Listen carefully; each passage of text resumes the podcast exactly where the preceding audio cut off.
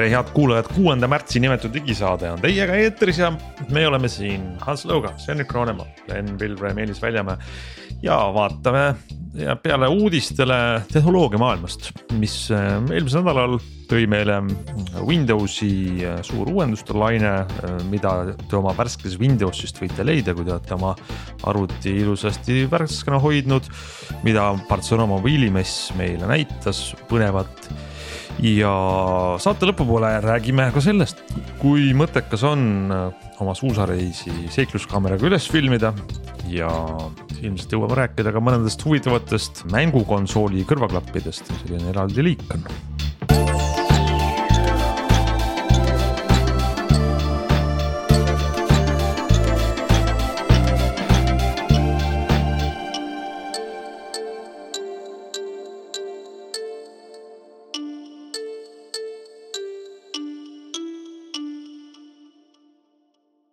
no nii, hakkame siis võib-olla sellest eh, nädalat äh, kokku võtma Windowsi mm, uudistega, uus Windows on väljas, võiks öelda, aga noh, tegelikult ei ole, Windows üksteist on Windows üksteist nagu ikka, aga vaikselt Microsoft äh, tilgutab sinna uuendusi peale.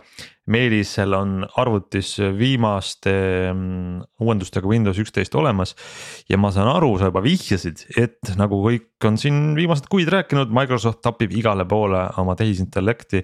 midagi sellest on nüüd ka siis Windowsi sees jah, et nad on siis äh, teinud äh, natukene ringi selle Windows Search'i ehk siis selle otsingu, mis elab meil siin siis selles äh, taskbar'i või tegumiriba peal, kus on see luubi pilt tavaliselt Windowsis nagu ikka ja. ja seda saab siis sealt asju otsida, et nii arvutis olevaid asju kui ka läbi brauseri.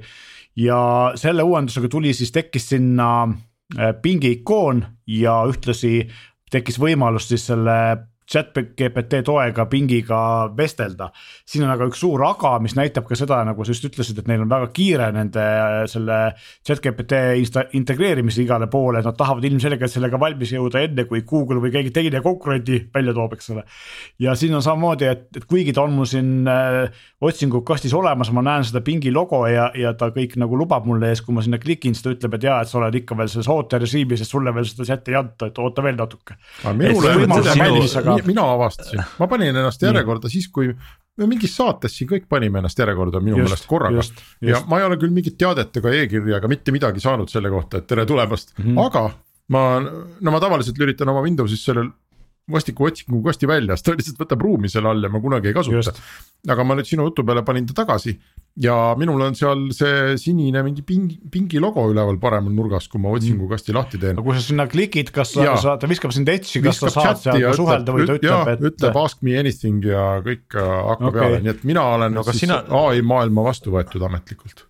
ehk sina no, saad võt... rääkida selle pingiga otse oma Windowsist. ja kui tahate, ma küsin midagi ei, tegelikult see otse Windowsist on nagu kahtlane. ta vist praegu viskab vetsi, eks viskab, ole. Äh, ja ta võtab et, äh, brauseri ja viskab sinna pingi. ma saan aru, et, et nad teevad selle siis nüüd lähitulevikus järgmise feature'i ilmselt selliseks, et ta hakkab otsima või saab kirjutada ka otse sinna kasti.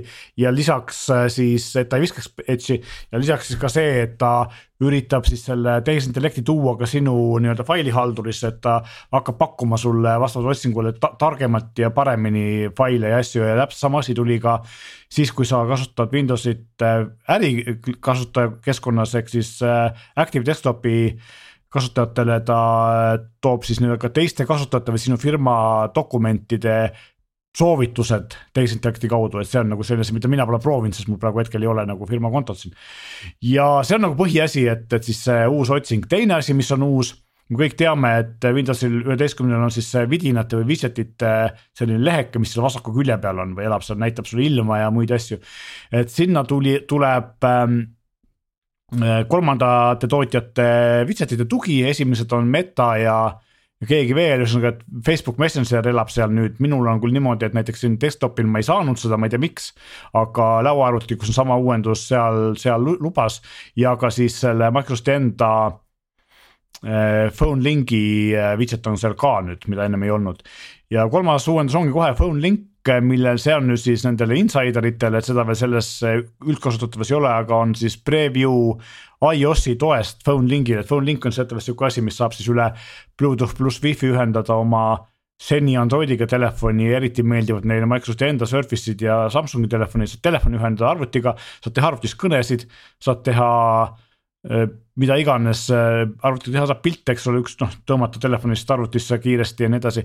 ja nüüd siis preview's on ka sama asja tugi iOS-ile, ma saan aru, et sealt saab ka samamoodi pilte jagada.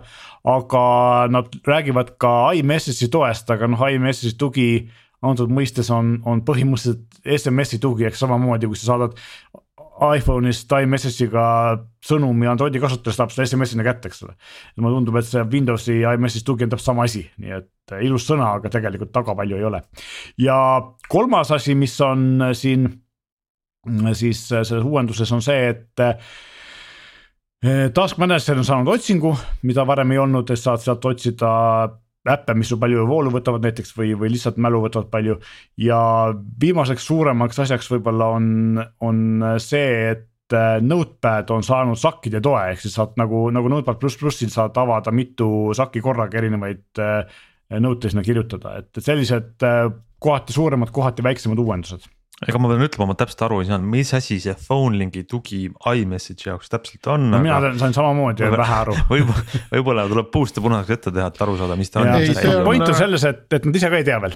ei, mina saan aru, et sa saad äh, hakata ikkagi Windowsis, no täna Macis on niimoodi, et äh, kui mulle keegi iMessage'i saadab, siis kui, kui jumal annab ja Apple'i tarkvara töötab, siis see sõnum äh, tuleb mulle ka Maci ja ma saan Macist jo, jo. vastata. mul Just. mõnikord tuleb, mõnikord ei tule, ma täpselt ei saa aru, millest see on sõltunud. mul tuleb alati. Windowsis see ei tule üldse, sest äh, sa võid ju ühendada iPhone'i ja Windowsit nii nagu tahad, nad ei räägi omavahel. see, sellel, selles keeles vähemalt, et nüüd siis peaks mingisuguse tarkvaraga hakkama need iMessage'i sõnumid ka Windowsisse tulema, siis sa saad ja, neile vastata, aga seal on mingid piirangud, vaata, et sa ei saa grupisõnumeid ei ole ja ja ma ei mäleta, mingisugused piirangud olid seal äh, nüüd veel, et Just. ta on selline just poolpidune ja ega Apple oma neid kuningriigi väravaid nüüd Microsoftile ikkagi üleni avanud ka ei ole. ei ava ka. jah. no huvitav, huvitav no selge, see on siis uus Windows üksteist, nii et äh, mõnes mõttes toob selle mm, ai nagu justkui peaaegu tööriistaribale, aga tegelikult ähm, tuleb ikkagi oodata, kuni need taeva, taevaväravad avanevad no, kõigile. see ongi see kõige huvitavam asi, et, et nagu ma alguses ütlesin, et ilmselgelt jääb mulje, et Microsoft üritab selle, selle tehisintellekti kõigile kõrist alla suruda varem, kui konkurendid järgi jõuavad. noh, ei tead jah ilmselgelt see, see, see on selge, et siin on jooks on kiire. aga eks siis vaatame, kaugele nad sellega jooksmisega jõuavad. kuule, aga me peame vist kokku võtma ikkagi, märts on küll käes juba, aga just oli veebruari lõpp ja mm, sa, Meelis, ka tegid nüüd ülevaate paarist noppest, mis sealt mm, Barcelona messist silma jäi ja no paar asja, mis nagu ka siin meile võib-olla lähemal on, et ma alustaks võib-olla sellest, et mis on natukene sellega seotud, aga mitte nii palju, et paar nädalat tagasi ma rääkisin, ma testisin OnePlus üksteist telefoni ja siis ma rääkisin nende imelisest sajavatisest laadimisest. ja sellest, et neil selleks on vaja, eks ole, nende enda laadijat ja kaablit siis äh, proovisin ma seda ka teiste laadijatega, mul on siin olemas üks kuuekümne viie vatine Lenovo sülearvutilaadija ja üks suhteliselt sama kiire universaalne USB-C laadija ja jõudsin järeldusele, et kui sul ei ole originaallaadijat, siis sa saad maksimaalselt laadida kuskil noh, mul ei olnud mõõtjat taga, aga kiiruse järgi arvutades, kalkuleerides neljakümne viie kuni viiekümne vatiga. ehk siis noh, poole väiksem kui see sada vatti, aga samas piisavalt kiire, et on okei okay,, eks ole ja, ja siit lähme MSC juurde edasi, et tegelikult siis esimene asi ongi see, et Xiaomi. mul tuli pähe, mul tuli pähe, ma korraks ütlen ka, et ma võib-olla siin võtan liiga familiaarselt. mis asi on Barcelona või SMC, iga aasta Mobile World Congress Barcelonas on aasta tähtsam mobiilisündmus, no vähemalt oli ja selle ajaloolise tähtsuse pärast me korra otsimegi, et mis siis Meelis, mida ja. sa leidsid, mis see aasta seal veel on? Äh, mis on muutunud, on see, et teie olete kindlasti kõik seal käinud, eks ole, kunagi, kui ta oli selline väga suur ja noh, mina ei ole kordagi, et iga kord, kui olen mõelnud, siis ma olen vaadanud hotelli hindu, jõudnud järeldusele, Saksamaa lihval käies on see umbes kümme korda odavam kui seal käia. ja, ja, ja siis äh, tegelikult ongi nii, et vanasti ta oli selline, kus kõik absoluutselt iga endast lugupidav telefonitootja ja muud jupitootja näitas oma uusi asju ja, ja nii edasi, siis nüüd on ikkagi see, et Samsung ja Google ja kõik sellised suured on läinud sealt ära ja teinud ja Apple, eks ole, on teinud oma üritused ja nad ei osale seal väga, et nad on küll väikeste putkadega kohal ja ja tegelikult näitavad seal mingeid asju nii-öelda äriklientidele, aga nad ei tee seal kunagi suuri, suuri selliseid äh, uute toodete tutvustamisi ja sellepärast ongi see muutunud selliseks Hiina tootjate showcase'iks, ehk siis kõik nagu Hiina tootjad, kellel ei ole kas ressurssi või, või soovi Euroopas eraldi üritust teha. noh, eri, e, välja arvatud Huawei, kes teeb ainult eraldi, kes on piisavalt suur, eks ole, teised üldiselt äh, on MSC-l kohal ja teevad seal oma suured, suured uuend-, uudised ära ja sellepärast on ja muidugi teine asi, et miks MBC veel alles on, on see, et tegelikult eh, tarbijatel ei ole seal või meil siis ei ole seal võib-olla väga midagi väga põnevat, aga. aga seal jätkuvalt käib väga aktiivne B2B äri, ehk siis kõik eh, operaatorid omavahel, Ericssonid, Nokiad, taristutootjad käivad seal ja räägivad, eks ole, ja teevad diile, et see on nagu see koht yeah.. miks ta, miks ta tegelikult eksisteerib praegu. aga ma vist rikkusin su mõttelõnga selle, selle OnePlusi aku osas laadimisel. no OnePlusi aku ma tegelikult lõpetasin ära, et, et me, ma lubasin siin, et ma testin testin seda ja ma ütlen, ma saan öelda, et et kui originaallaadijaga loeb saja vatiga ja poole tunniga viskab aku täis nullist sajani, siis äh, sellise mitte originaal USB-C piisava võimsusega laadijaga loeb ta kuskil neljakümne viie kuni viiekümne vati pealt, ehk siis tund, tund kümme läheb selle laadimise peale umbes niimoodi, noh pole, pole viga, aga mitte nii kiire kui originaaliga. ja siit me jõuame ühe MBC suurema uudiseni oli see, et Xiaomi tütarfirma Redmi, mul on segamini Redmi ja Realme, mis on sarnased. Redmi näitas äh, praegusel hetkel rekordilist kolmesaja vatist laadimislahendust, mis tegelikult siis äh, laeb kahesaja üheksakümne vatiga, mille kohta Redmi ütleb, et ta on turvakaalutlust natukene alla kolmesaja toodud ja viskab siis selle nelja tuhande ühesaja milliamprise aku, mis seal sees oli, täis viie minutiga nullist sajani. noh, küsimus selles, et tegelikult meil ju ei ole nii kiiret laadimist vaja, eks ole, olgem ausad, päriselt ei ole, aga aga samas äge on see, et kui me võtame asja, mis ei ole telefoni aku, kui meil on suur sülearvuti või muide akupank, mis on kakskümmend kuus tuhat milliampere tundi, siis seal oleks sihuke laadimine tore, kui ma saaks selle akupanga tunni ajaga täis või poole tunniga, mitte ei peaks terve öö laadima, eks ole. et mõnes mõttes on selline võimas laadimine kasulik, võib-olla mitte seal, kus seda praegu üritatakse telefonidesse viia, aga noh, ilmselgelt on selle taga samamoodi selline Aasia tootjate võidujooks, et kelle laadimisnumbrid on kiiremad, umbes nagu see megapikselite võidujooks kunagi oli, eks ole, et nüüd on see.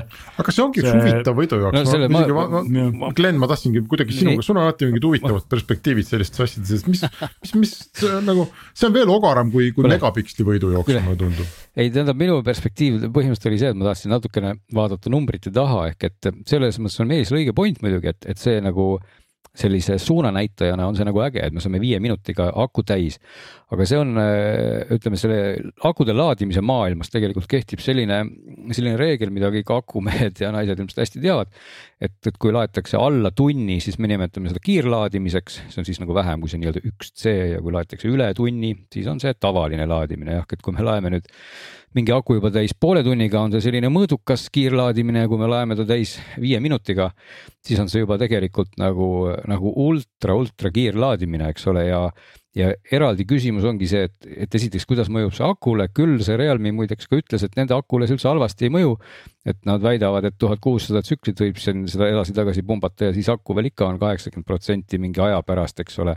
aga teistpidi see voolu tugevus selle selle laadimise puhul või võimsus, eks ole, noh, siin, kui me räägime siin kahesaja, kahesaja, mina praegu muidugi rääkisin Realme telefonist, jah, Meelis rääkis sellest äh, Xiaomi variandist, mis oli siukse prototüübi staatuses, see oli kakssada üheksakümmend vatti, aga, aga Realme GT3 oli tegelikult natukene rohkem valmis asi, kus nad laadisid kahesaja neljakümne vatiga.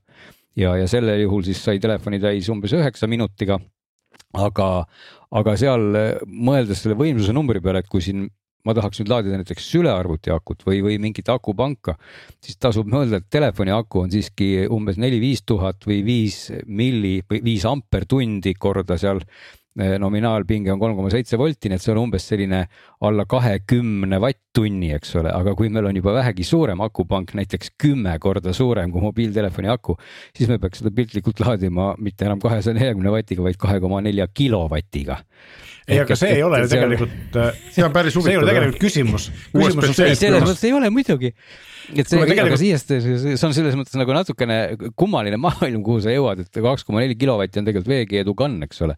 et, et, et noh, see, see koht on tegelikult selle koha peal, et, et vaja oleks seda ilmselt sellisel hetkel, kui sa tõesti avastad enne mingit oma, ma ei tea, väljalendu, et mul on nüüd aku tühi ja sa pistad ta kolmekümneks sekundiks laadima ja siis saadki pärast seda, mis iganes seal vaadata oma Netflixi seeria ära või, või terve lennuki aja mingisugust mängu mängida, pigem on see nagu see, see koht, et, et on äge et see on nagu olemas, aga, aga mina ka seal nagu mingit väga väga sisukat perspektiivi, et sa nüüd iga päev peaks oma akut viie minutiga täis laadima, no. absoluutselt, aga mina, mina näengi just sedasama, sama väärtust, et telefon, unustame telefoni ära, eks ole, see on nagu nad praegu on, elavad telefonis need kiirlaadijad mm, -hmm. aga see ei ole see tulevik, kus seda vaja on, vaja ongi seda sel hetkel, sel hetkel, kui sa just nagu sa ütlesid, et. ma nüüd lähen lennuki peale ja siis ma hakkan pakkima, siis ma avastan, oi, aga mul on seljakotis akupank, kes on täiesti tühi ja see on kahekümne tuhande milliampritunnini, mis on ütleme mm -hmm. neli-viis korda suurem kui keskmiselt telefoni aku. aku. -hmm. just ja see ongi see, et kui ta paneb selle telefoni aku täis kümne minutiga, siis ta paneb selle akupanga täis poole tunniga sama võimsuse juures, eks ole, millest tegelikult piisab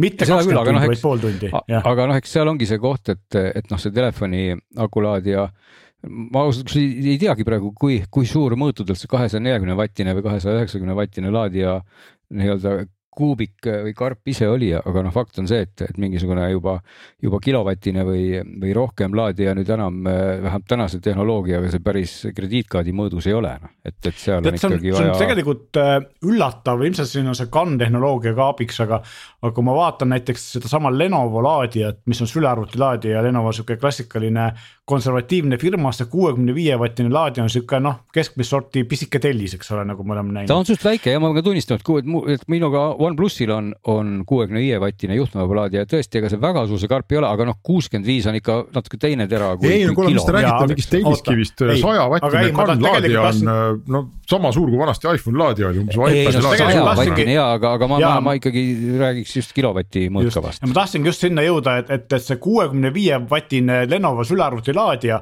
on tegelikult umbes viis korda suurem, kui on see sajavatine OnePlusi laadija, mis just, mul oli. ehk siis nad tegelikult on läinud üllatavalt väikseks mm. -hmm. et aga, aga muidugi, ega siis akude puhul endiselt äh, ega see, see reegel ei ole ju kuskile kadunud, et ega, ega füüsikaseadused ei ole peatunud siinkohal, et, et kui sa pumpad sellesse tänase tehnoloogiaga tehtud akusse sellise kiirusega elektrit sisse, siis paratamatult see kasutegur ei ole väga hea, sul tekib palju soojust ja, ja kõik, kõik need asjad, rääkimata siis aku enda võib-olla elueast. et ega, ega see nagu igapäevases mõttes, noh, see ei ole nagu mõistlik lahendus, et see on täpselt sihuke hädaabi võimalus, mis on sul olemas. ega siis samamoodi autode puhul, et, et, et kui sa ka võtad mingisuguse megavatise autokiirlaadija, saad ka juba tänapäeval võib-olla teoreetiliselt seal viie või kümne minutiga selle aku täis, aga kui sa seda iga päev teeks, siis see see on nagu väga mõistuspärane. oota, aga Glen, kas sa saad selle laadija ju karbis kaasa endaga telefoni, mis see ei ole nagu noh, et see ei ole selles mõttes nagu hädalahendus või et see ongi sinu ainukene laadija sel juhul ju no vot see, jään ka vastuse võlgu, et kas see Realme seda laadijat annab mulle karbis kaasa, aga isegi kui ta selle kaasa annab, siis ilmselt ei oleks mul mõistlik iga päev seda akut seal üheksa minutiga täis pumbata. Nad see... peavad selle kaasa andma, sest kui nad sellest kiirust reklaamivad, mujalt seda ei saa. ei no või siis see on nagu upgrade vaata, et sa võid minna ja selle, ma ei tea, viiskümmend üheksa, üheksakümne üheksa eest poest osta. aga noh, miks see ikkagi lõpuks on hea, on see, et, et see vähemalt koputab äh, eelkõige Apple'i ja, ja natuke ka Samsungi ja teiste suurte tegijate õlale, et, et hiinlased näitavad, et palun väga, et sel ajal, kui teie siin oma kahekümne ja neljakümne vatiga susistate, siis meie juba paugutame, eks ole, viis korda suuremaid võimsuseid veel. uuemate kuulujuttudega, et Apple teatavasti ikkagi vist läheb äh, USB-C peale üle ja. ja hakkab piirama kiirusi. Ehm, ja, et äh, täna on äh, Apple teenib lightning kaablite, ametlike nende lightning laadimiskaablite müügi pealt väga-väga palju raha. sest seal on selline džipp on sees, mis selline tehnoloogia või litsents põhimõtteliselt, kus, kui mina tahan hakata nüüd tootma Apple'ile kaableid. siis ma pean, ideaalis peaks ostma Apple'i käest selle litsentsi ehk iga kaabli pealt äh, maksma Apple'ile raha. ja need summad on miljardites ja miljardites dollarites aastas. ja teoreetiliselt nüüd USB-C-ga, kui nad standardeid jälgivad äh,, järgivad, siis ei noh, siis kaoks Apple'il kogu see raha ära aga räägitakse ikkagi väga tõsiselt, et seesama MFI tehnoloogia mis praegu siis lightning kaableid kontrollib. et Apple paneb selle ka USB-C-sse ja siis tulemus on see, et Apple'i USB-C laadijaga saad laadida kiiresti. ja kui sa lähed ostad tavalise USB-C kaabli, mis näeb täpselt samasugune välja ja vastab standardile, siis see nii kiiresti ei lae, aga see, need on kuulujutud, aga ma olen täiesti valmis seda uskuma no aga see, see, aga kas asi on kaablis või laadijas huvitav, noh et selles mõttes mõnes mõttes on ju seesama, ega Realme äh, telefon on ka USB-C kaabliga, eks on ju, aga küsimus on selles, et Seal kas nende mõlemast, oma laadija on. mõlemast, sest et esiteks on see, et laadija on, vot see ongi nagu sama asi, et probleem on ju ka selles, et kõik need erinevad Hiina firmad, kes siin see võidu jooksevad, teevad seda asja omamoodi ja ei ole ühtset standardit, nii et. sa ei saa nii nagu on USB-PD, sa ostad selle Ma... laadija ja sa oled garanteeritud. siis tundub see väga see... tõenäoline, et Apple teeb seda mängu järgi nagu hiinlased eest teevad ja teeb oma laadija, mis on siis kalli hinnaga no, ja laeb täiesti... kiirelt ja. ja, aga mina olen täiesti veendunud, Apple teeb seda niimoodi, et ta teeb täiesti normaalse, korraliku, standardse USB-C laadija. ja siis äh, see laadija vajab selleks, et see töötaks kiiresti lihtsalt äh, kaablit, mille sees on kiip, nagu Hendrik ütles, eks ole, nii lihtne see ongi. oma kaabliga just. just, aga, aga või siis kellegi teise kaabliga, mis, mille eest on litsentsi makstud. aga samas on see, et, et tegelikult ju ikkagi jah, et probleem on selles, et seda standardit nagu nii-öelda ei ole ka siin mitte Apple'i maailmas, eks ole, et on olemas USB Power Delivery standard, mida äh, Apple ise, Google, Samsung, teised kasutavad ja siin need hiinlased ka, aga, aga siis teatud piirini, eks ole, et. et see küll võimaldab ka kuni saja kahekümne nelja vatini laadida, aga hiinlased teevad ikkagi seda asja kahjuks millegipärast omamoodi. no ja, ja ma saan aru, et mobiilimessi suurim ikkagi mängumaa ongi jäänud veel laadimiskiirustes akud, mis noh, ma ei tea, mulle ikkagi tundub nagu suures pildis samasugune nagu telefoni kaamerates megapikslite võidujooks. no ma noh, ütleks no, selle laadimise kohta nagu võib-olla nagu väga ühe, viimane ühe, asi, kus veel võistelda. ühe asja lõppu, et ei no siin tegelikult võib-olla on veel asju, mida rääkida la laadimise või USB-C kohta lihtsalt. see ei puuduta küll otseselt, otseselt võimsusteemat, aga, aga ega USB-C kui selline võimaldab teha igasuguseid asju, eks ole, et lisaks laadimisele loomulikult andmeid edasi kanda. Ja, ja noh, ma hiljuti just puutusin ka sellega kokku, et äh, oma Maciga seoses oli vaja Thunderboltiga tegeleda ja loomulikult ka Thunderbolt kasutab USB-C kaablit ja siis tekkis kohe see koht, et et kas see peab nüüd olema mingi teistmoodi kaabel või kas see auk nüüd sobib Thunderboltiga või see sobib hoopis USB-ga või et tegelikult see on muutunud ausalt öeldes maailma üsna segaseks, et, et sellest see... ühest USB-C-st mahutatakse läbi nüüd mustmiljon standardit ja asja just, et see maailm, sinna me tegelikult üldse ei lähe, et kuidas kaablitest aru saada ja kui keeruline ja kui, kui vähe on seal kaablite peal asju kirjas ja kui vähesed inimesed seda loevad, eks ole. ja täpselt sellepärast oli ka selle OnePlusi telefoniga kaasas spetsiaalne kaabel, mis oli üsna pakk, sest et noh, igas suvalises kaablis see sada vatti lihtsalt ei ole, ei saa läbi tulla või ta läheb põlema, eks ole. et äh, jah, nii see on, aga teine asi, mis MSC-d puudutab, mida kiirelt puudutaks, on see, et Nokia lubas, et nad toovad oma telefoni tootmise Aasiast ära Euroopasse ja.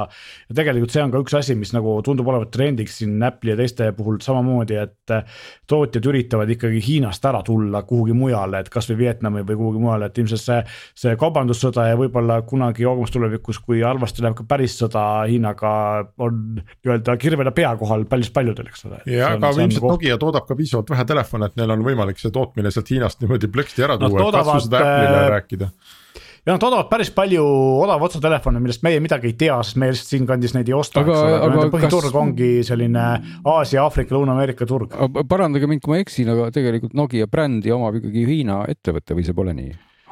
Nokia brändi omab Soome ettevõte HMD. kas HMD on Soome ettevõte või no,? Neil on, neil võib olla, neil võib olla osalusi ja investoreid Hiinast. Hiinast küll olla.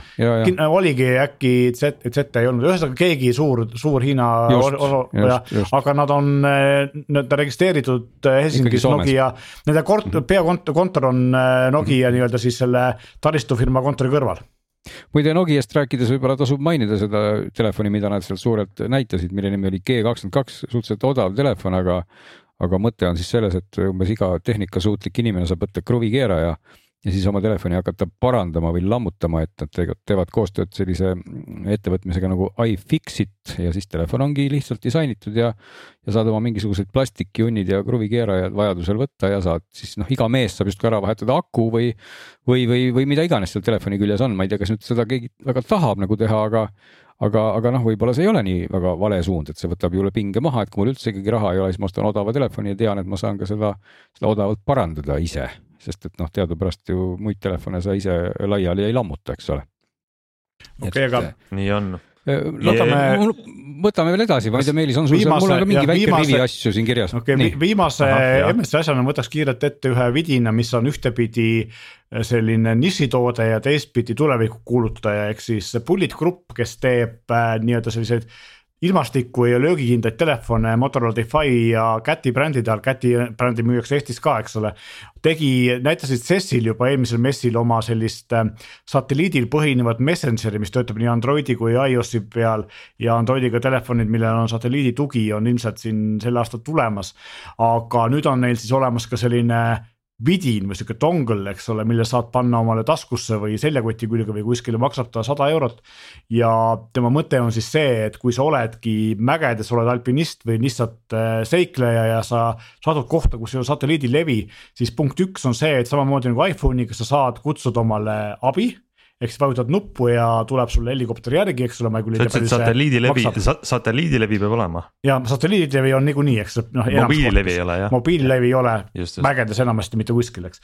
ja siis nemad ühendavad ennast kahe erineva satelliidivõrguga, üks nendest, ma praegu ütlen, kui ma ütlen, siis valetan, aga Inmarsat või Iridium ja keegi kolmas veel et äh, Apple'il on üks neist ja siis Bullet äh, Groupil on teine ja ta on siis selles mõttes selline samasugune asi, mida iPhone võimaldab nii-öelda häda, abi kutsuda, aga selle vahega sul on siis füüsiline nupp, et sa hoiad seda all ja siis. kui sul ei ole võimalik telefoni enam kätte võtta mingi suurema õnnetusena, eks ole, siis sa ikkagi kutsub abi. ja teine asi on siis see, et, et see asi töötab niimoodi, et on siis kuumaksuline plaan. ja lisaks siis ta on Bluetoothiga ühendatud sinu vahet pole kas iPhone'i või Android telefoniga, kus on sihuke sõnumi äpp ja saad saata ka oma tuttavatel saate vastu võtta siis üle satelliidi SMS-i tüüpi sõnumeid. ja ta on suhteliselt kallis lõbu, aga kui sa oled kuu aega kuskil ära sellises kohas, kus levi ei ole, siis ikka mõistlik on aega tuttavatele, sugulastele, perele teada anda, et ma olen elus ja minul on kõik hästi, eks ole. et seal on mingisugune viie euro eest saad sa vist saata kümme sõnumit kuus või midagi sellist. ja siis need paketid lähevad järjest kallimaks. ja nad müüvad ka bundle'id, kus on siis see vidin koos aastase teenusega saja kuuekümne euro eest oli vist see bundle'i hind. et tegelikult selles mõttes ta teeb selle satelliidiside jällegi kättesaadavamaks ja mina näen, et see reis sinnapoole, kus nii-öelda see satellite messaging hakkab Äh, levima, see on nagu siin selle järgmise aasta üks suurimaid, äh, suurimaid äh, reise või selliseid võidujookse ja noh ilmselt SpaceX teeb ka võib-olla midagi teised, nii et me näeme seda, seda me näeme arenemas siin veel kõvasti ei, see on väga lahe asi ja ma arvan, et ähm, see isegi ma ei ütleks, et see on kallis, sellepärast et arvestades, et ta on mõeldud sinna, kus ja. sa käid matkamas ilma mobiililevita kandis. siis üheksa, üheksakümne eurone vidin on su matkavarustuse seas. tahtsingi sinna jõuda, et see, et see nüüd demokratiseerib tegelikult selle turu, sest et noh, iPhone on kallis, eks ole, sa lähed matkama, sa võid osta selle saja eurose vidini ja saja eurose Androidiga telefoni ja sul on kaetud see asi on ju. teine asi on see, et, et see ei ole uus, selles mõttes, et neid teenuseid on varem olnud. Karmenil on siiamaani olemas Inread seadmed, mille eest sa pead maksma a la vähemalt viissada eurot selle seadme eest. ja siis teiseks väga palju ka selle kuumaksulise teenuse eest, eks ole, et aga see teenus on kõvasti odavam. et ta toob selle hinna alla ja siin on see hinnasõda alanud üks üks nagu see, üks see point on sellest, üks asi on see, et eks ole, SpaceX ja teised hingavad kuklasse oma satelliitidega. ja teiseks on see, et nendel vanadel äh, satelliidifirmadel on juhtunud see asi, et enam ei ole ju vaja nii palju edastada telesignaali ja need sagedused jäävad vabaks ja mida sa nendega teed, eks ole. hakkad kommunikatsiooni pakkuma. ja no aga see, ma saan ka aru, et siin Motorola oli, on tegelikult selle nagu toote, tootetüki nimi justkui oli Motorola. Motorola Defy Satellite Link. ja, et selle, see Bullet Group on nagu see mingi tootja, aga, aga Motorola on see, kes on nagu oma brändi alt seda näitab ja muide võib-olla võiks ikkagi ka mainida ära, et, et üksjagu oli seal sellist volditavat kraami siis nii, nii hiinlaste kui ka kui ka Motorola poolt, mis olid siis päris asjad ja natuke ka prototüübid, et võib-olla päris asjadest oli nii Honoril kui Oppol tegelikult väga kobedad volditavad telefonid, et Honor Magic VS või, või 5S või oli selline väga äge Galaxy Z Foldi konkurent, tegelikult õhem ja, ja väiksem ja, ja ka keerad lahti, on suur ekraan sees ja ja, ja nägi väga hea välja ja minu arust see hind oli ka neil üsna mõistlik, jäi sinna kusagile tuhande euro alla, kui ma õigesti aru sain. ja, ja, ja siis Oppo Find M2 Flip on tegelikult nagu väga hea konkurent siis väiksemale Samsungile Flipile. see Find M2. suur ekraan. N2 Flip on tegelikult just selline kõige realistlikum konkurents siin, eks ole, praegu just.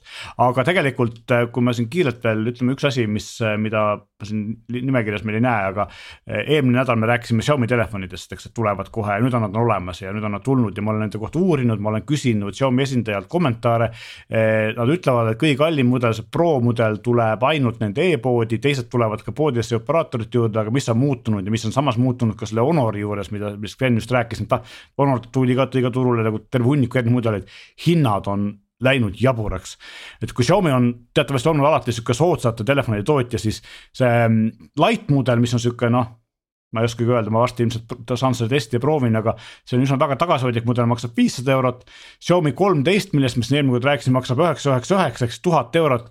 ja see Xiaomi kolmteist Pro korra, hea kaameraga maksab tuhat kolmsada eurot ehk sama palju kui kõige kallim Samsungi telefon põhimõtteliselt, nii et see on ikka nagu täiesti uskumatu, mis hinnad on. No, ja samas ei tasu unustada ka, et see kolmteist Pro muidugi jällegi üritab olla ja, ja ongi tegelikult tänase seisuga maailma, et mitte öelda parim nii-öelda kaameratelefon oma ühe tollise sensoriga ja mis on, kasutab tegelikult sama sensorit, mis on Sony legendaarses RX sada seerias, kui ma ei eksi, ehk et. ja, ja Leica, Leica läätsega. Leica läätsed on tal küljes aga muidugi veel ikkagi, kui nüüd volditavat ka veel sai mainitud, siis iseenesest need kaks sellist suunda, mida näitas ka Motorola ja Lenovo lisaks voltimisele olid ka päris ägedad, et Motorolal oli tegelikult küll prototüübi faasis selline nagu rullitava ekraaniga telefon, mis iseenesest on ju päris nagu nutikas disain, et selle asemel, et sa midagi kokku voldid, see ekraan nagu altpoolt voolab nagu tagaküljele. Ehk et kui telefon on väiksem, siis ta on viietolline,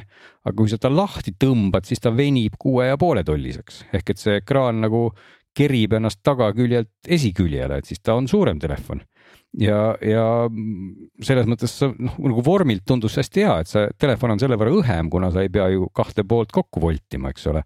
et lihtsalt see ekraan liigub ja sama põhimõttega näitas ka Lenovo oma sellist rullitava ekraaniga sülearvutit, kus siis noh, küll ekraani ei rullinud ennast nüüd siis sülearvuti tagaküljele, aga et mis muidu oli selline väike kaheteist või kolmeteist tollise ekraaniga sülearvuti, aga sa võisid sikutada selle ekraani nagu nii-öelda portree formaati ja siis sealt alt ilmus välja veel tükk ekraani ja põhimõtteliselt ekraan muutus eh, umbes poolteist korda suuremaks ja nägi muidugi välja selline natuke totter, nagu keegi oleks A4 lehekülje pannud siis sulle arvuti ekraaniks, eks ole, aga aga jällegi noh, see on nagu see suund, et ei pea ekraani ainult voltima, et iseenesest seal ikkagi paistab äh, olevat niisugust huvitavat äh, arengut just selles suunas, kuidas ikkagi saab seda vormi ja noh, ütleme väikest vormi ja suurt sisu ühildada lisaks. Lenovat äh, tuleb kiita siin selle koha pealt, et nad ei karda eksperimenteerida volditavate mm -hmm. ja painduvate ekraanidega, et neil on iga aasta mitu uut mudelit ja viskavad need vastu seina ja vaatavad, mis siis lõpuks nagu külge jääb, eks ole, et, et see on nagu ja, äge tegelikult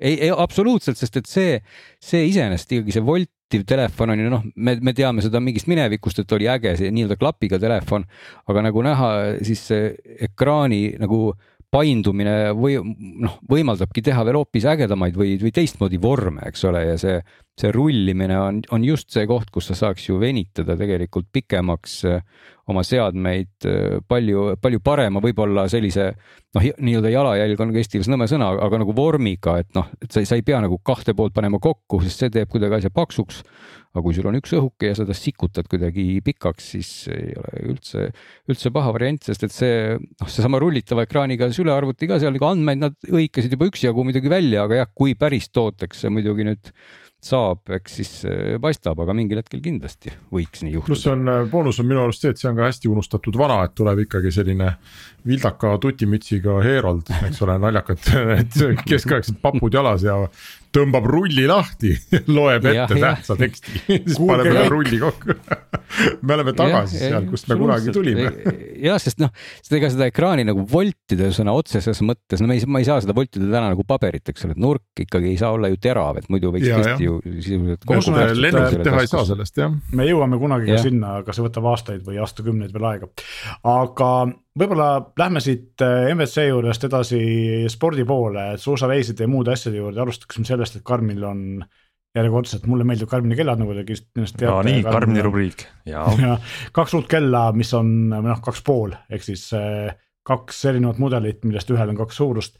Äh, Karmin on teinud tavaliselt siis neid memory in pixel tüüpi ekraane, mis on sellised, et ta kehvas valguses ei ole väga hea eredusega ja resolutsioon on suhteliselt kehv ja värve on vähe. aga kui sa lased talle otse päiksevalguse peale, siis ei ole konkurentsi, sest et lihtsalt ekraanid lihtsalt päiksevalguses on fantastilised. ja nüüd viimastel aastatel on nad teinud ka siis kahte tüüpi AMOLED ekraaniga kellasid, ühed on siis sellised nii-öelda nutikellad, millel on ka spordiomadusi, Venu-seeria ja, ja teised on siis äh, sellised kõige kallimad spordikellad, millel on siis nii puutetundlik ekraan, AMOLED ekraan kui ka nupud. Ja nüüd on nad toonud siis äh, oma sellise väga kuulsale legendaarsele Forerunner seeriale samuti AMOLED ekraanid, mis on tekitanud väga palju vastukajasid selles mõttes, et tõsised fännid ütlevad, et see on nagu abomination, et seda sellist asja ei tohi olla, eks ole, kuidas Karmen ütleb Forerunnerile AMOLED ekraani, et mis te nalja, et see peab mingi Apple Watch on ju. ja teised ütlevad väga hea, et tegelikult ju resolutsioon on parem, sa saad selle ekraani peal palju rohkem teha ja Karmin teatavasti on jätkuvalt, kasutab oma mingisugust maagiat, ilmselt lihtsalt lahjat protsessorit, et, et see AMOLED ekraan kestab ka neil ikkagi noh, selline paar, paar nädalat niimoodi, et kui sa trenni ei tee, eks ole, kui sa GPS-i pidevalt kasutad, siis järjest noh, kuskil kakskümmend kuni kakskümmend neli tundi. ja kallimal Forerunneril siis üheksa kuus viiel on lisaks ka nagu ka veel kallimatele Phoenix seeriale ja Epic seeriale on kaardid sees ja selle AMOLED ekraani hea omadus ongi see, et kuna ta on kõvasti suurem reso, siis kaardid on kõvasti detailsemad, eks ole. ja noh, loomulikult on läinud ka siis äh, muud omadused paremaks, et äh, näiteks üks asi, mida varem Karminil ei olnud, mille Apple Watch Ultra tegelikult äh, esimesena tõi, on see, et Karmini kellad nüüd oskavad siis käe ranne peal olles mõõta sinu jooksuandmeid, kui kaua su jalad on maaga kontaktis, kui pikk on su samm ja nii edasi, selliseid asju, et vanasti oli selleks vaja kas eraldi ähm, pulsivööd või eraldi sellist tossu külge käivat vidinat, siis Apple oli esimene, kes tõi need nagu randme peale Karmin tegi selle nüüd järgi, aga mis on kõige selle hind, selle kõige selle hind on see, et need kellad on kuskil kolmkümmend protsenti kallimad kui eelmise aasta mudelid, mis oli, millel oli siis tavaline ekraan.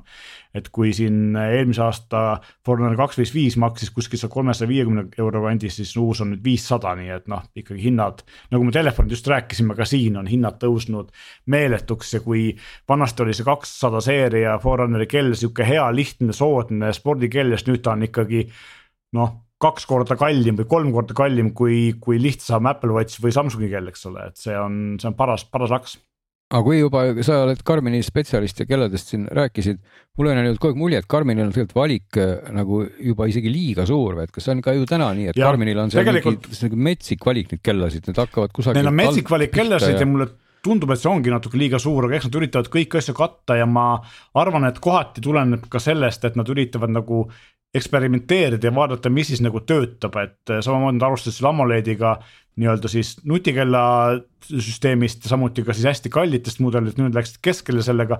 aga näiteks siin paar nädalat, paar kuud tagasi tulid nad välja ühe sellise nagu stiilse kellaga või siis ütleme nii, et nagu, nagu sellise mitte spordikellaga, millel on esimest korda Karmini kellade ajaloos juhtmevaba laadimine, nendel uutel ei ole seda, eks ole.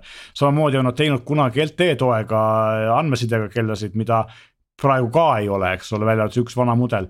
ehk siis mulle tundub, et nad nagu teevad erinevatel asjadel erinevaid asju, enne kui nad nagu selle kõik need asjad ühte patta panevad ja, ja vaatavad ka, ka mille, millel siis on turgu ja millel ei ole turgu, eks ole. kas Karmini kell on täna ka selline noh, ütleme, et kas ta on nagu selline täisväärtusliku nutikellale liigituv ka nii, et ma saan sinna mingisuguseid suvalisi äppe tõmmata või päris, päris. no mitte päris suvalisi, aga veits saab jah, et no millega sa võrdled mm, -hmm. eks ole, et ei tahaks mm -hmm. halvasti öelda, aga minu käes on praegu üks sinu käest laenatud Huawei kell. no see, see ei meeldi mulle kohe üldse. see on üsna, üsna, üsna vana kell, kuhu ei saanud eriti mingeid äppe tõmmata. seda ma esimese hooga nagu nutikellaks ei nimetakski, sest et tegelikult, mis meil nutikella definitsioon on ju tegelikult see, et või nutiteleri definitsioon, et. et see nuti tähendab seda, et sul on seal rakenduste pood, mille saad installida kolmanda tootjate asju. Huawei'l me esimese hooga seda ei leidnud, aga pärast ma sain aru, et tegelikult ikkagi on, aga seal noh, ega seal midagi võtta ei ole. no pean tunnistama, et see kell vist, mis hetkel, millest jutt käib, on tegelikult kaks GT Pro, mis on iseenesest ikkagi juba kaks mm. põlvkonda vana, et see ei ole isegi selle Harmony OS-i peal veel aga.... et see oli ennem seda, aga, aga nüüd Harmony OS-i peal loomulikult Huawei on ikkagi toonud selle oma poe välja, aga endiselt see äpi valik, kui sa Huawei'd mainisid, see ei ole nagu, ta ei ole selles, selles mõttes võrreldava nutikusega kell nagu näiteks ka... siis on Androidid või, või Samsungid ja. või Apple Watchid, eks ole. ta on ka üsna, üsna Aasia keskne, eks. aga Karminil on see, et esiteks Karminil on siis terve hulk muusikateenuseid, mida saad installida, Spotify, Amazon Music, igasugused podcast'i äpid.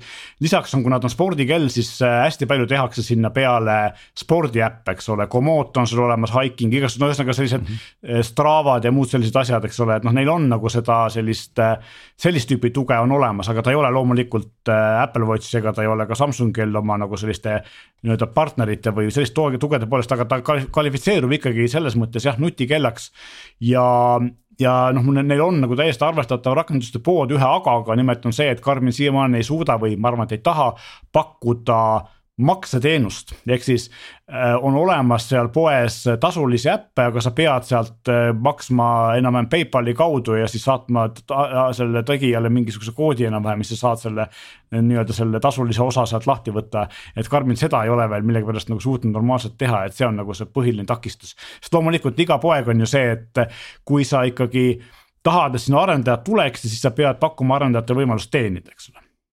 ja no, no üldse ikkagi ma ütleks kiirelt vahele, et see, et see Karmini nagu minu arust pluss ja samaaegselt ka miinus ongi natukene see, et et mitte, et ta oleks nagu nišifirma, kaugel sellest, aga Karminil on niisugune kuidagi mingi lojaalne kasutajaskond, kes ilmselt ostab kogu aeg Karmini kellasid ja kes väga huvitub Karmini kelladest nagu ja samal ajal on ja samal ajal mingisugune teine seltskond ilmselt, kes, kes räägib Apple Watchiga ja võib-olla kolmas, kes räägib kellegi teisega. et Karmin nagu, nagu jätab mulle kõrvaltvaatajana natuke kogu aeg sellise mulje, et ta nagu tahaks saada jalga nagu selle suure nutikellanduse ukse vahele, aga Tahakski. ei saa kogu aeg, uks läheb kogu aeg nagu kinni. Nad on, nad on kahe tule vahel, et neil on ühtepidi aga keegi ei olegi sinna jalga saanud peale Apple'i, mina, mulle tundub ja. nagu eriti eriti et nad on no, tulnud tegelikult jah, nagu. võib-olla tõesti, kui sa nii ütled. ei usugi, et nad tahavad saada sinna suurde, nad, nad ei ole, neil ei ole, ütleme sellist ähm, muud sellist kodu või noh, ma ei tea, telefoni ja, maailmas nad ei ole, aga. ega nad ei saa. aga no makseteenustust rääkides, uutel kelladel on ka Garmin Pay olemas, on ju jah. Et. ja, ja äh, absoluutselt. ehk siis nad on tegelikult nad toimivad nutikellad selles mõttes, nad. ei absoluutselt ja ka nüüd on ju Karmin Pay on olemas tegelikult kõigil Eesti pankadel, mis on arvestatavad, välja arvatud Coop, eks ole, et on Swedbankil, SEB-il, LHV-l, Luminoril ka, kui mälu mind ei peta, aga ühesõnaga, ühesõnaga, ma tahan öelda seda, et nad tegelikult on ikkagi, Karmin on on sihuke huvitav fenomen, et nad on kindlasti suurem kui üks väike nišitegija. Karmenil on see asi, et nad on suutnud äh, tegelikult oma tänu oma sellele suurele ja õigel ajal õiges kohas tegid õigeid asju, eks nad suutsid minna sellest GPS-i autonavi süsteemist minna Just. üle kelladele ja, ja tegelikult, kus nad veel on siiamaani väga tugevad, on nad tegelikult selle merenduses ehk siis mariinnavigatsioon on neil väga tugev. aga, ja nad on sealt suutnud tulla ja nad on tegelikult söönud välja väga paljud konkurendid, et noh, Suunto ja Polar veel eksisteerivad, Soome firmad, naljakas kui ka ei ole. Eh, samamoodi Karmin ära ostnud väga palju tegijaid, näiteks First Beat, mis oli ka Soome firma, kes pakub siis neid samu spordi võimalusi, hästi palju analüütikat ja sellist nii-öelda IT-tarkvara seal taga on Karmini poolt ära ostetud. ja, ja teistpidi on jällegi see, et no suut-, noh näiteks Tom-Tom tegi ka vahepeal kellasid ja nemad kukkusid sellega täiega läbi, eks ole, Karmin oli seal edukas.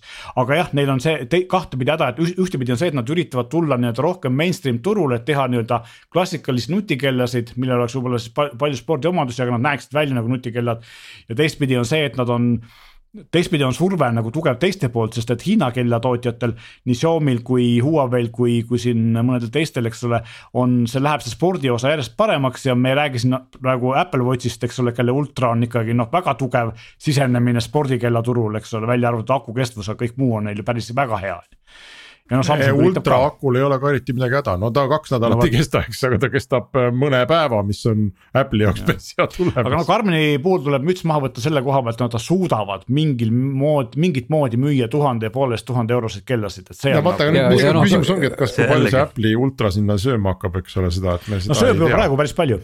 ja kindlasti jah. no Karminil on ka endiselt ju täna pakkuda seal valiku allotsas Äh, mis nende nimed olid, kas seal mingid Vivo Move'id või mis iganes, sellised randmevõru stiilis asjad, mis äh, kui ma ei eksi, käivad ka tänaseni patareiga, mis peab vastu aasta umbes. Ja, ja, ja ka tegelikult salvestab niivõrd-kuivõrd sul igasugust ringi jooksmist ja sebimist, et no Karminil on kogu aeg seal allotsas olnud selline väga pika noh, aku on vale sõna, aga patarei või tööajaga seadmed, mis no, on küll lihtsad, aga, aga töötavad väga hästi. tegelikult, mille ma veel ära unustasin, kui me rääkisime konkurentide söömisest, siis mõni konkurent sööb ka iseennast, et me oleme siin varem rääkinud, kuidas Fitbit on ju täielikult kokku kukkunud tänu Google'i kummalistele tegevustele. ja kukub edasi kes, väga aktiivselt kusjuures. kes oli Karmini kõige kõvem konkurent, kusjuures kõvasti parema hinna juures.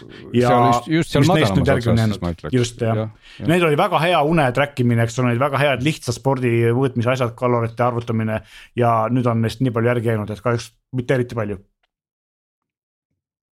Nii on. aga, aga ma, ma veel... küsiksin kohe ennem võib-olla, kui Ants tahab kuskile mujale minna, ma tahtsin sporditeemaga jätkata hoopis et, et kui Meelis mainis suusatamist, siis äh, on mul andmeid, et sa oled suusatanud ja, ja filminud seda. räägime spordist ah,. sa tegid ära sedasi, selle, mille me siin, mina küsisin siin kuu aega tagasi, et kes see hull on, kes, miks, miks te seda teete? miks filmite? jah, sa ekstra mulle, ma sain muide ka videosid meie kuulajatelt, mõne, mõned isegi ja, ja olid päris ägedad, et inimesed olid tõesti vaeva näinud. kusjuures. ma, ma tean, et peale Simon Ants veel inimesi vaata, seal ongi see koht, kus, kus tegelikult äh, äh sain mina kohe riielda GoPro äh, esindajatelt, nimelt ei peagi ise üldse vaeva nägema, nimelt äh, seda saab Ants kohe kinnitada või ümber lükata, peaks GoPro suurepärased tehisintellektsed pilveteenused ise sinu video kokku panema. Võib-olla ta käib suusatamas, ta peab külmetama seal mäe otsas.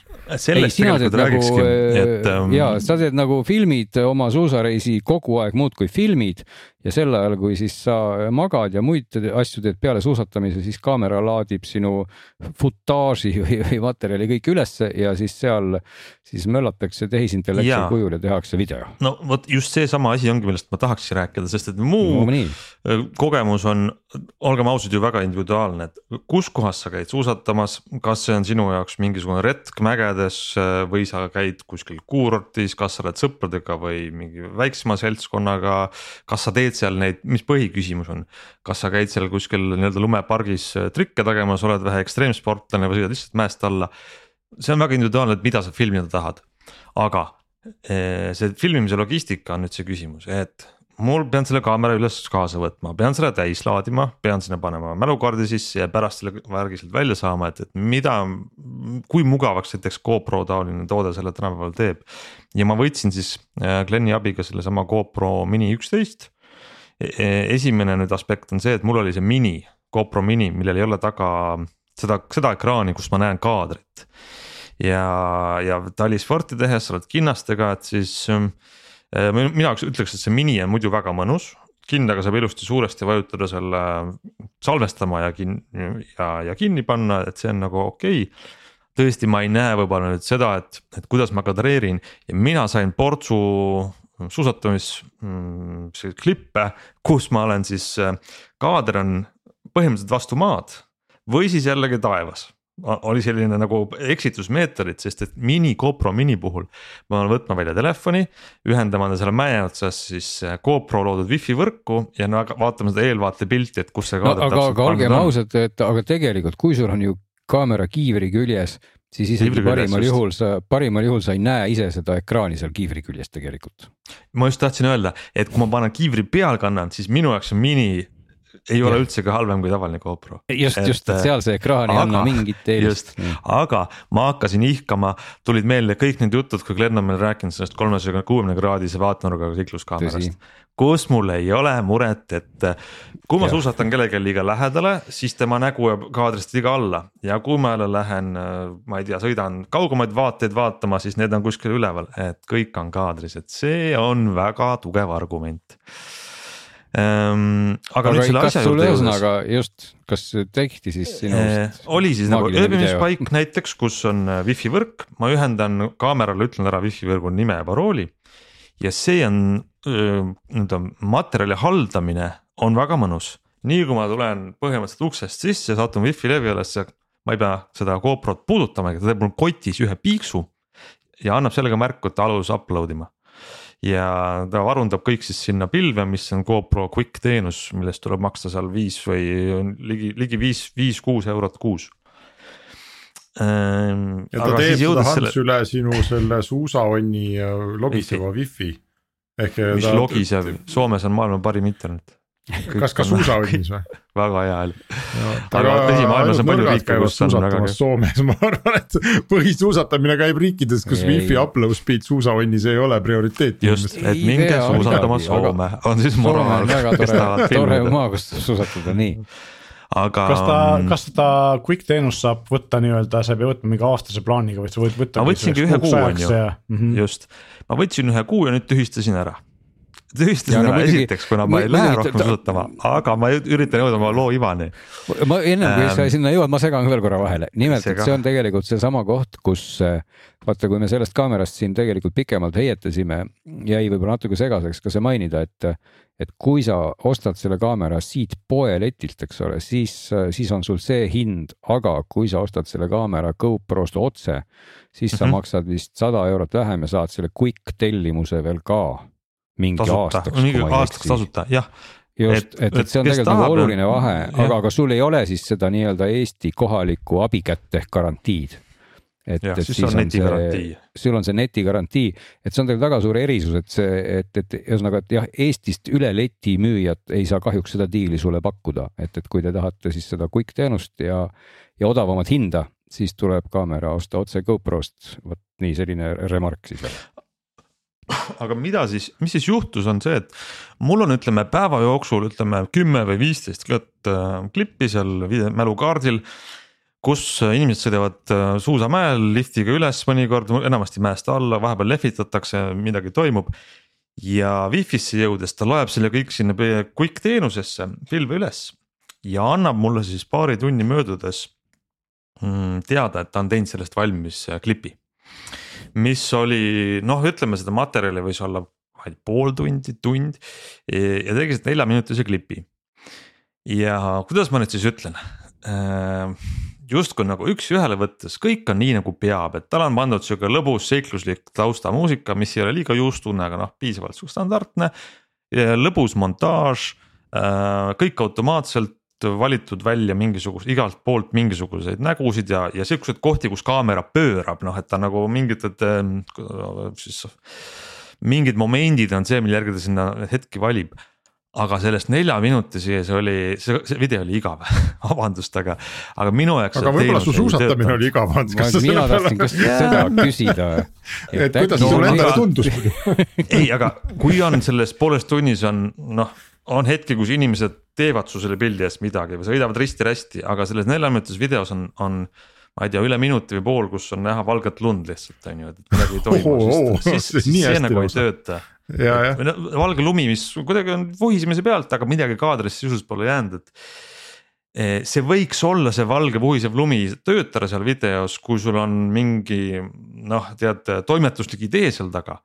ja mu, mina ausalt öeldes, asi lõppes niimoodi, ma vaatasin neid Quicki tehtud videoid, mida ta kaks päeva mulle tegi või mitu päeva iga päeva kohta ja siis ma tulin koju, tõmbasin SD-kaardi pealt asja arvutisse ja tegin iMovie'ga valmis endale ise need videod kahe minutit. sa hakkasid võistlema selle ai-ga jah? mul tekkis, hakkas kohe nagu hinge scratch ima ja ma tegin äh, ma, ma tahaks öelda ägedamad videod ja, ja ma ei ütle nüüd, et see on nüüd argument, et äh, ise saab parema teha, ise saab alati parema teha. aga argument on see, et äh, minu jaoks ei ole seda kuute eurot väärt, see need natsa siuksed äh, liiga automaatselt kokku pandud, et seal on vaja mingi Aga... Bing ai peale lasta, kes vähe paremini saab sellest aru, et, et need valged äh, lumekaadrid ei ole põnevad. kas seal ähm, muidu ütleme lisa, lisaväärtusena, kui nüüd jätta see video välja, mis sa sealt saad, aga tegelikult, kas sa selle kuue euro eest võib-olla see on nagu võib-olla äkki väärt, et sa saad oma materjali sinna nagu automaatselt suusaonnist juba pilve ja kui sa siis kuskil lähed, sa ei pea üldse nende mälukaartidega möllama või, või see päris. ja ta on selles mõttes, ta on nagu ta selles mõttes on mugav, et ta haldab mu mälukaarti ise, ta, kui ta on ära upload inud, ta võib mul mälukaardiga puhtaks teha, et järgmine päev ma saan täiesti tühja kaardiga mäele minna ja see on okei. okay.. ja ma ei ütle nüüd, et see on, see teenus on täiesti kasutu kõigile, et ärge võtke. minu jaoks see, see, see kokku lõigatud video ei ole see, mida ma sõpradele jagada tahtsin, et ta ei olnud nagu. kas selle huvitav. video puhul on võimalik ka ise natuke sellesse režissööri tooli peal Just, ka istuda? et või... siis ta laseb, et noh, et sa tahad hakata nüüd seda ise äkki tuunima, võtad igavad kohad ära. ja seda ma pidin tegema sellest Quicki mobiiliäpist, mis mm. äh, oli noh, seal nikerdasin viis minutit ja ta laadis neid ja tõmbas uut materjali alla pilvesti ja siis kuidagi puhverdas ja siis venis ja ja mu närv ei pidanud ka vastu sellele, et see ei olnud nii äh, mugav, nagu ma võib-olla siis tahaksin, et äh,. noh, ühesõnaga, kes on nagu usin suusataja, tal on GoPro olemas ma tahan öelda seda, et kui sul on GoPro olemas, siis miks mitte lasta tal teha siuksed kokkuvõtted ja vaadata, äkki mõni on nagu parem, mõni mitte. aga ainult selle teenuse pärast osta nüüd seikluskaamera ja arvata, et minu eest tehakse töö nüüd super hästi ära, et seda ootust ei maksa endale seada aga no vähemalt tehakse ära, et võib-olla, võib-olla kui sa ise üldse ei tee, siis see on parem kui mitte midagi, eks ole. ju, seda on kindlasti parem sa, ja, ja võib-olla ka käia nagu, kuidas öelda see on statistiline väike tõenäosus seal, et kui need äkki materjali on siis mitukümmend tundi, et ju siis tulevad ka paremad Just. klipid või et mul oli liiga vähe. ja nagu te ütlesite, ma ei teinud seal neid saltosid seal nagu lumepargis, et oleks ma neid teinud, ilmselt. ja see võib-olla lihtsalt see algoritm, vaata ei olnud, Ants, algoritm ei olnud optimeeritud äh, sinu suusatamisstiilile.